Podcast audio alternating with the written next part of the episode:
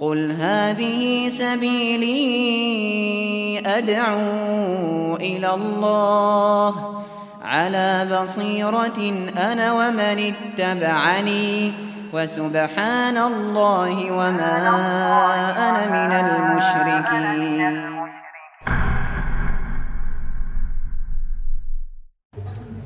بسم الله الرحمن الرحيم السلام عليكم ورحمة الله وبركاته وعليكم السلام ورحمة الله وبركاته Alhamdulillah. Wassalatu wassalamu ala rasulillah Wa ala alihi Wa man tabi'ahum bi ihsan Ila yumiddin Allahumma inna nas'aluka ilman nafi'a wa rizqan tayyiba wa amalan mutaqabbala. Allahumma inna na'udzubika min ilmin la yanfa' wa min qalbin la yakhsha wa min nafsin la tashba wa min da'watin la yustajabu laha Baik, sekarang kita berada pada sesi ke-8 dari kajian kitab tauhid kita.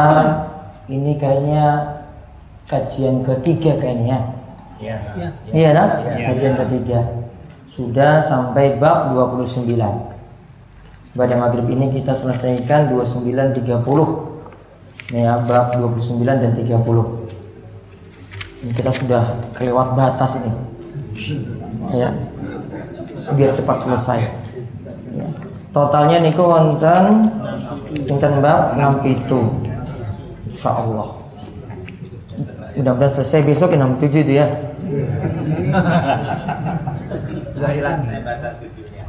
Judulnya tok. Minat meneh. Makan meneh. Iya iya iya. Gimana menu makannya? Sip sini? Sip. Lebih dari Berarti saya nggak salah pilih jodoh di sini ya? Iya.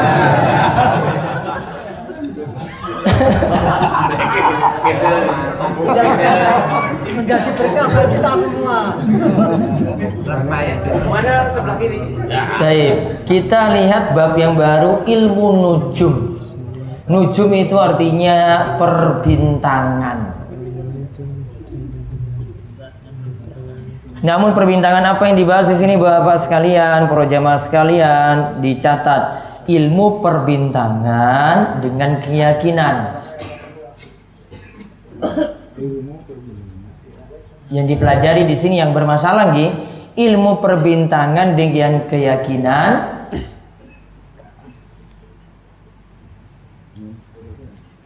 Bahwa benda langit punya pengaruh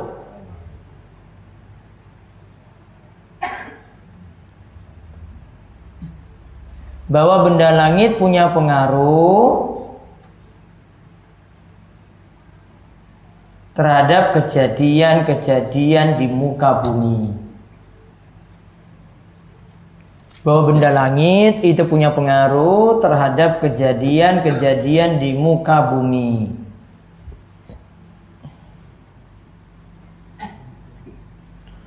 Misalnya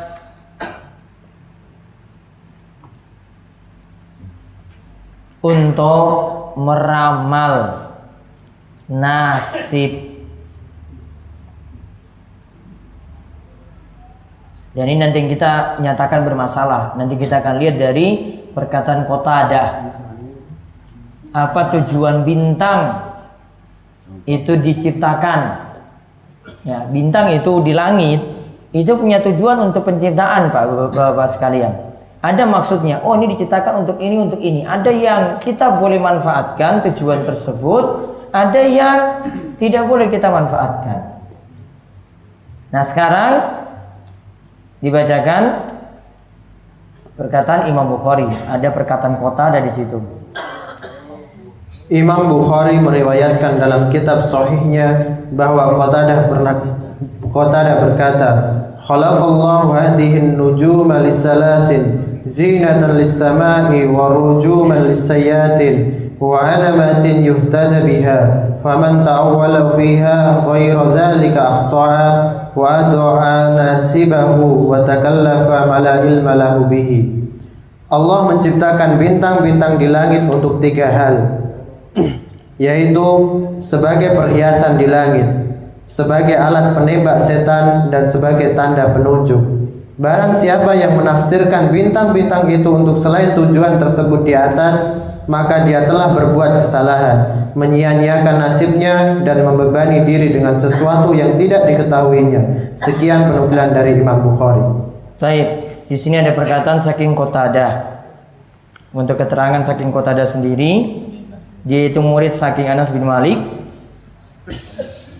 pakar tafsir dan paham akan perselisihan para ulama dalam masalah tafsir. Sampai-sampai Sufyan Ats-Tsauri katakan tidak ada di muka bumi ini yang semisal Abu yang semisal Qatadah. Contoh pahamnya beliau terhadap Al-Quran, beliau pernah membaca Al-Quran seperti diceritakan di dalam Siyar A'lam An-Nubala karya Imam Az-Zahabi pada juz kelima. Qatadah itu biasanya mengatakan Al-Quran dalam tujuh hari. Biasa mengatakan Al-Quran dalam tujuh hari. Namun jika datang bulan Ramadan, ia menghatamkannya setiap tiga hari. Ya setiap tiga hari itu khatam. Ketika datang 10 hari terakhir saking bulan Ramadan, ia menghatamkan setiap malamnya. Hatam Al-Quran akhirnya jadi setiap malam. Ini 10 hari terakhir, di mana kita itu di mall-mall, cek baju anyar, cek lambe anyar, cek celana ini masih ini perlu cari yang baru ataukah tidak. Ini kota ada sibuk khatamkan Al-Quran setiap malam. Itu kota ada itu, bayangannya seperti itu Bapak sekalian.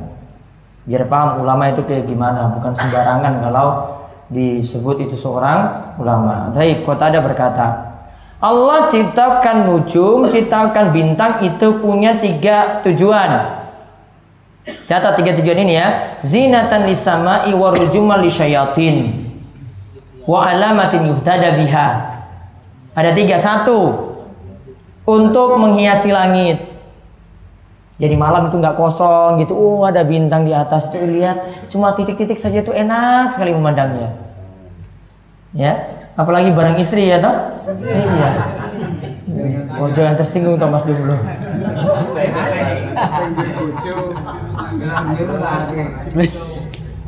Lihat bintang di langit itu masya Allah dunia itu seakan-akan milik berdua. Ya, nggak tahu yang jomblo itu dia milik siapa dia milik ibunya waruju syayatin tujuan yang kedua untuk menjadi pelempar setan.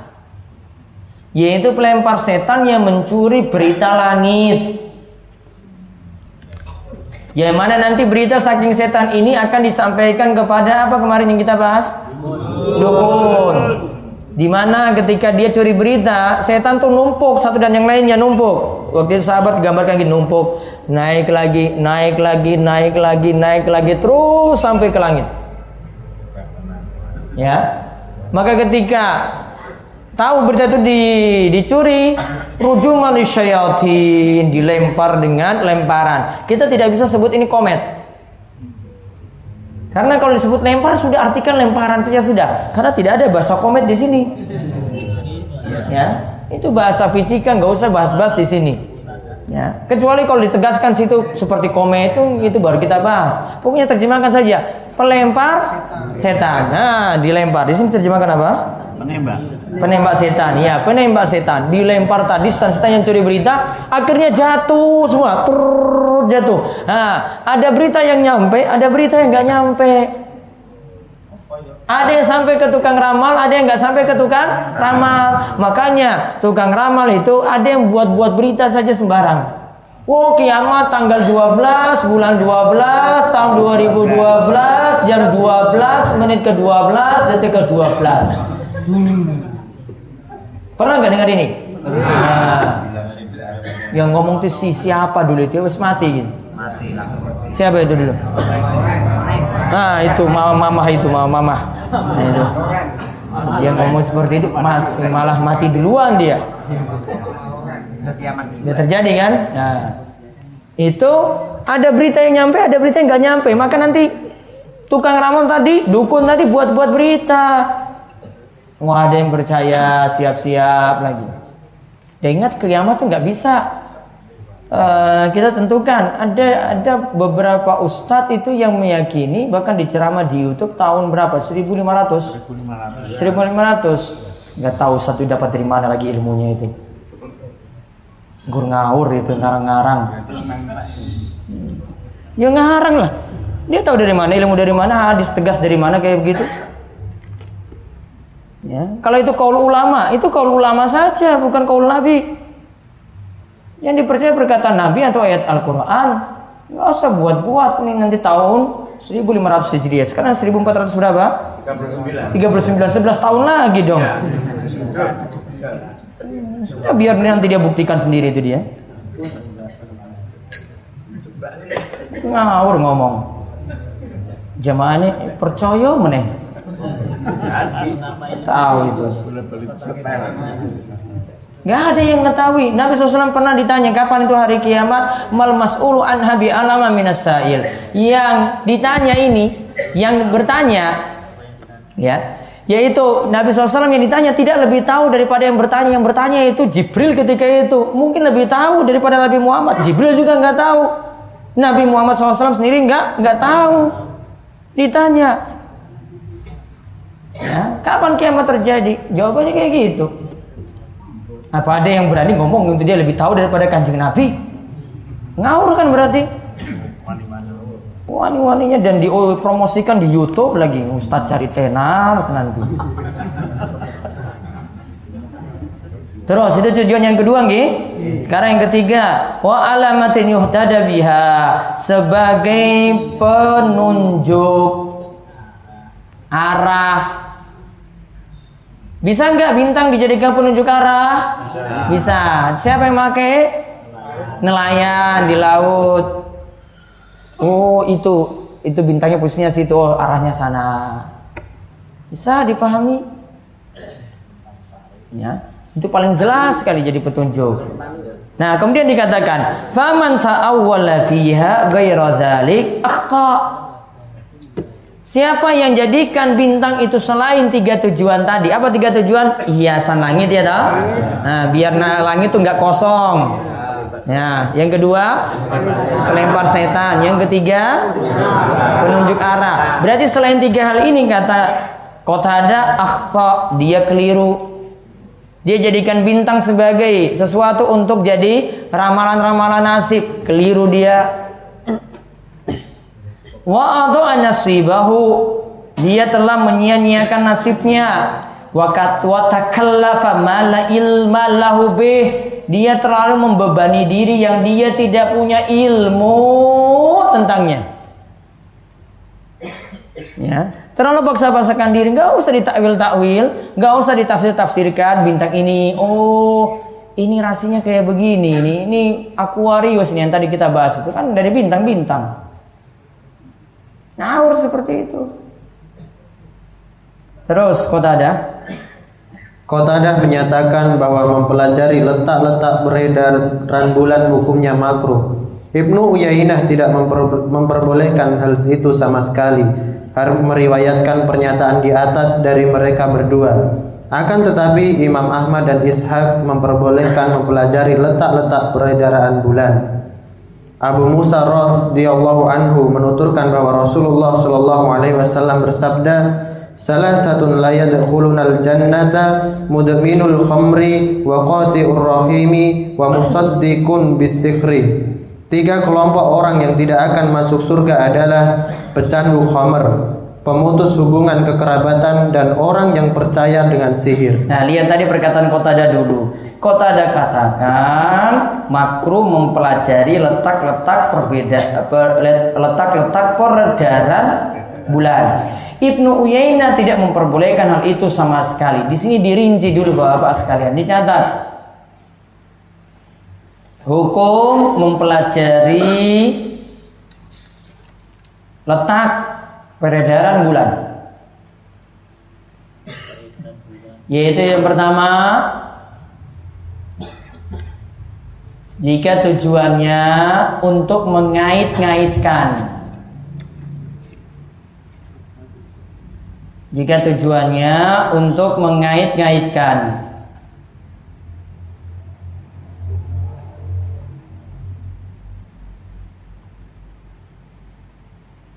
dengan kejadian-kejadian di muka bumi.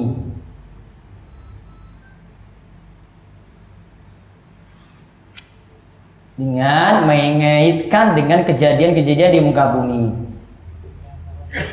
Maka inilah yang dilarang oleh Imam Qatadah.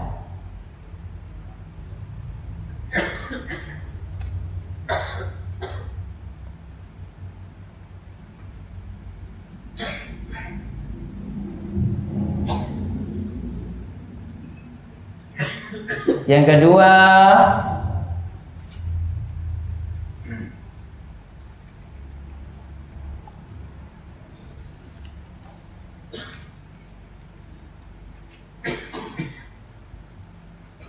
untuk mengaitkan dengan kejadian di masa akan datang atau meramal. Atau meramal nasib.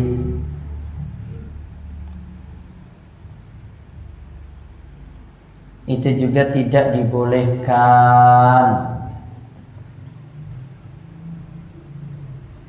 itu juga tidak dibolehkan tadi sudah kita bahas nih ketika membahas apa tadi apa tadi percaya pada dukun tadi sudah dipelajari kan? Ya. Ketika membahas percaya pada dukun tadi.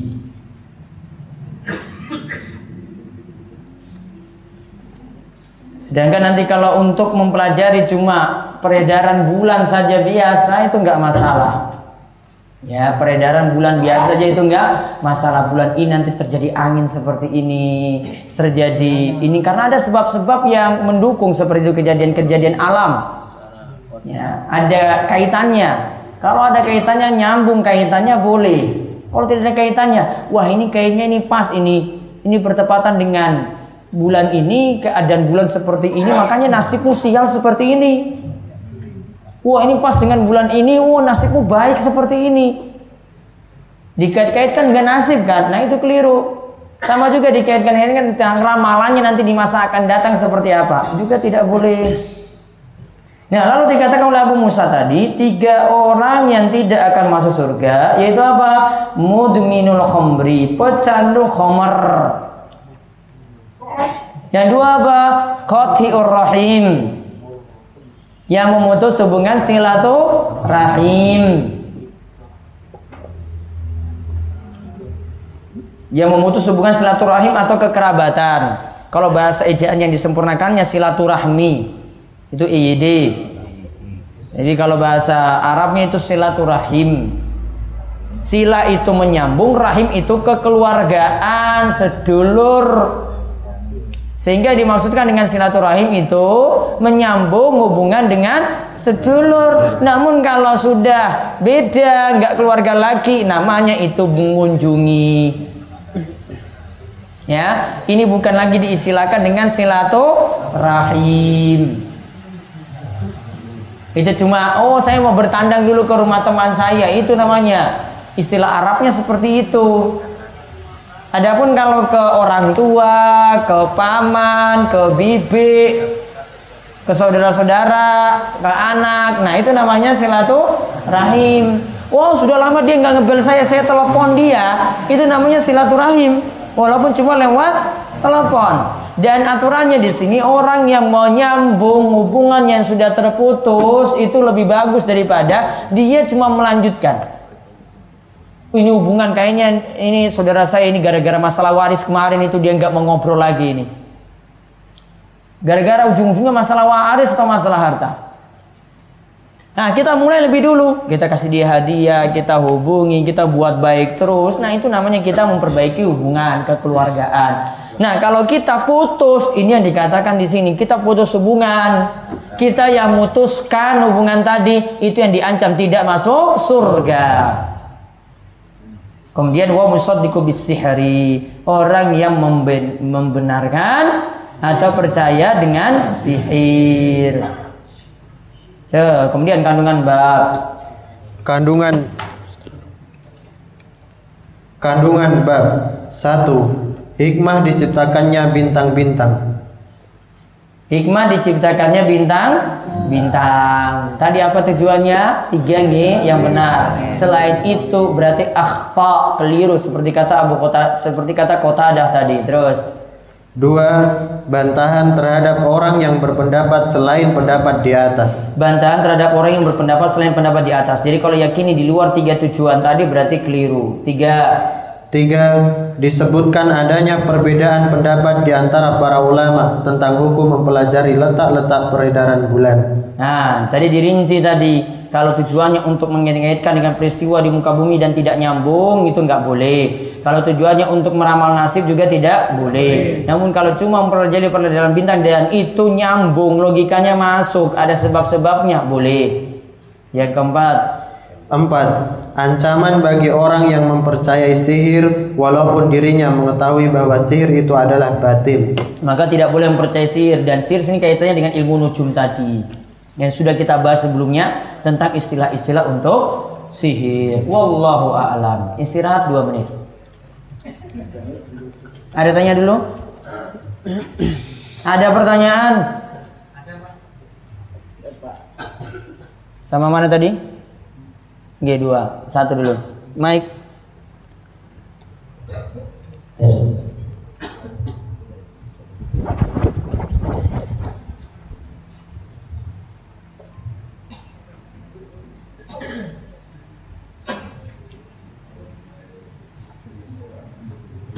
Ini kalau biar nggak panas.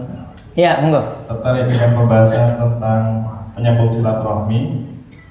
Silaturahmi di sini yang dimaksud yang punya hubungan saudara secara langsung baik itu keluarga besar atau cukup yang sejalur dengan orang tua kita dari jalur bapak ibu saja.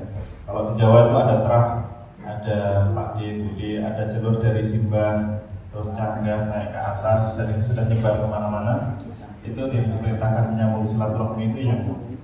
Para ulama beda pendapat dalam masalah ini. Ada yang katakan yang dimasuk rahim di sini itu yang punya hubungan mahram.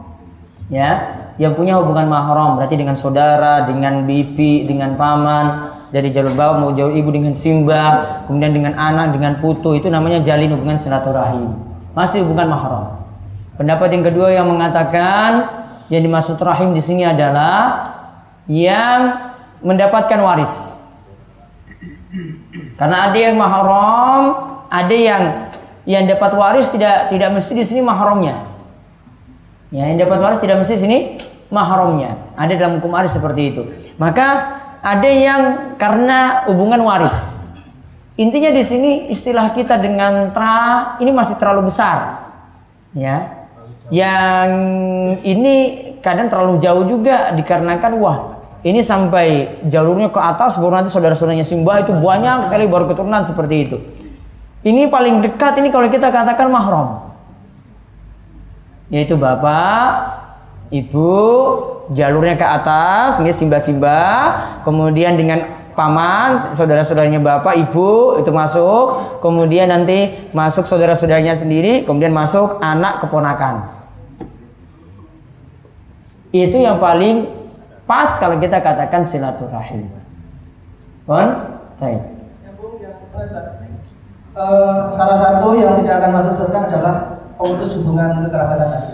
Ya. Nah, ini apakah berlaku keduanya itu dalam satu hukum ini? Apakah salah satunya yang memutus eh, silaturahmi atau keduanya gitu Ustaz? Yang saya tanyakan. Apa? Maksudnya gimana? Maksudnya gini, saya diputuskan atau saya dicorake dengan saudara saya umpamanya. Tetapi saya Mana yang memutus duluan? Oh begitu, Itu yang dimaksud. gitu ya. Iya. Terima kasih. Namun kalau kita diputus hubungan jangan dibalas mutus juga. Ya. Tidak boleh balas jelek dengan jelek. Gak akan pernah rampung. Tadi kita sudah pelajari sihir tadi kan. Sihir dibalas sihir gak akan pernah rampung sama. Dia putuskan saya, saya balas lagi nggak mau ngomong dengan dia gak akan pernah rampung. Tapi maaf, kadang kita berusaha untuk nyambung, tetapi kan yang tadi memutus tadi kan lewat-lewat tembung bahasa Jawa. Ya sudah pokoknya baikan terus dengan dia. Oke, terima kasih. Hmm. Tetap ditegur, tetap disapa. Kalau ada bantuan kasih, dia nggak mau terima ya pokoknya kasih lagi. Jangan balas yang jelek dengan jelek nggak akan pernah rampung gitu. Wala tastawil hasanatu wala sayyi'ah idfa billati asan. Allah katakan yang jelek dengan yang baik itu beda. Balaslah setiap kejelekan itu dengan kebaikan. Itu baru selesai. Ya, paham gak? Baik. Terus. Tadi mana ini dulu? Pak ini dulu. Saya, ini gini gini pintu saya. Cerak lawang.